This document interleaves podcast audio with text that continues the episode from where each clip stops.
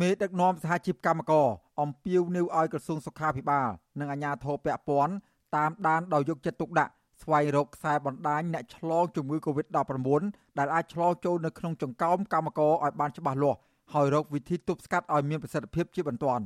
ប្រធានសហភាពការងារកម្ពុជាលោកអាត់ធុនមានប្រសាសន៍ប្រាប់អាស៊ីសេរីកាលពីថ្ងៃទី8ឧសភាថា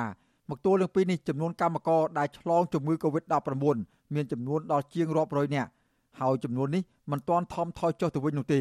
បើទោះបីជារដ្ឋាភិបាលបិទគប់តំបន់រាជធានីភ្នំពេញនិងខេត្តកណ្ដាលជាច្រើនថ្ងៃមកហើយក៏ដោយហើយ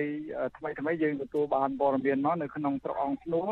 គាត់នៅចំណោម11ក្រុមហ៊ុនវាមានកម្មករឆ្លង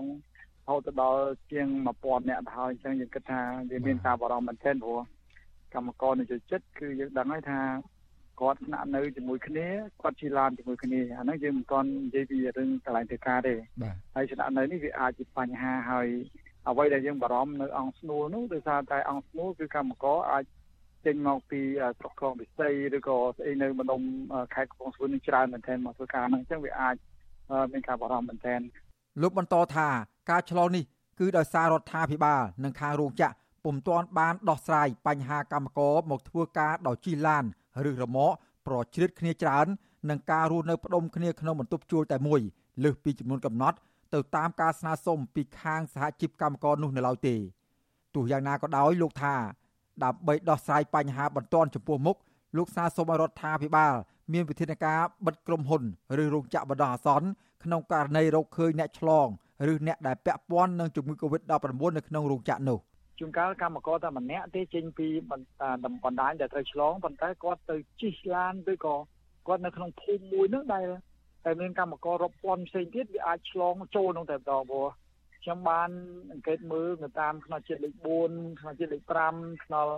ជាតិលេខ3ហើយនឹងនៅស្វាយរៀងហ្នឹងគឺខ្ញុំមើលទៅគឺនៅតំបន់ខ្លះគឺកម្មករច្រើនមែនទែននៅមកចូលធ្វើការនៅឡើយទេហើយបើសិនជាអា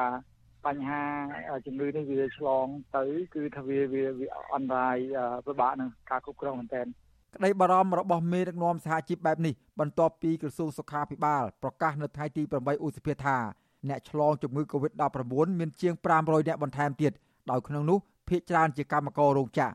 ករណីឆ្លងថ្មីនេះធ្វើឲ្យចំនួនអ្នកឆ្លងជំងឺ Covid-19 នៅក្នុងព្រឹត្តិការណ៍សហគមន៍20កុម្ភៈកើនឡើងដល់ជាង18000អ្នកហើយ អាជ្ញាធរខេត្តកំពង់ស្ពឺឲ្យដឹងថាមានអ្នកជំងឺម្នាក់នៅក្នុងខេត្តនេះបានស្លាប់កាលពីយប់ថ្ងៃទី7ខែឧសភា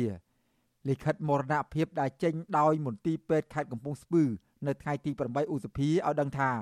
អ្នកជំងឺដែលបានស្លាប់នោះគឺជាកម្មការនីរោងចក្ររស់នៅក្នុងស្រុកគងពិសីខេត្តកំពង់ស្ពឺ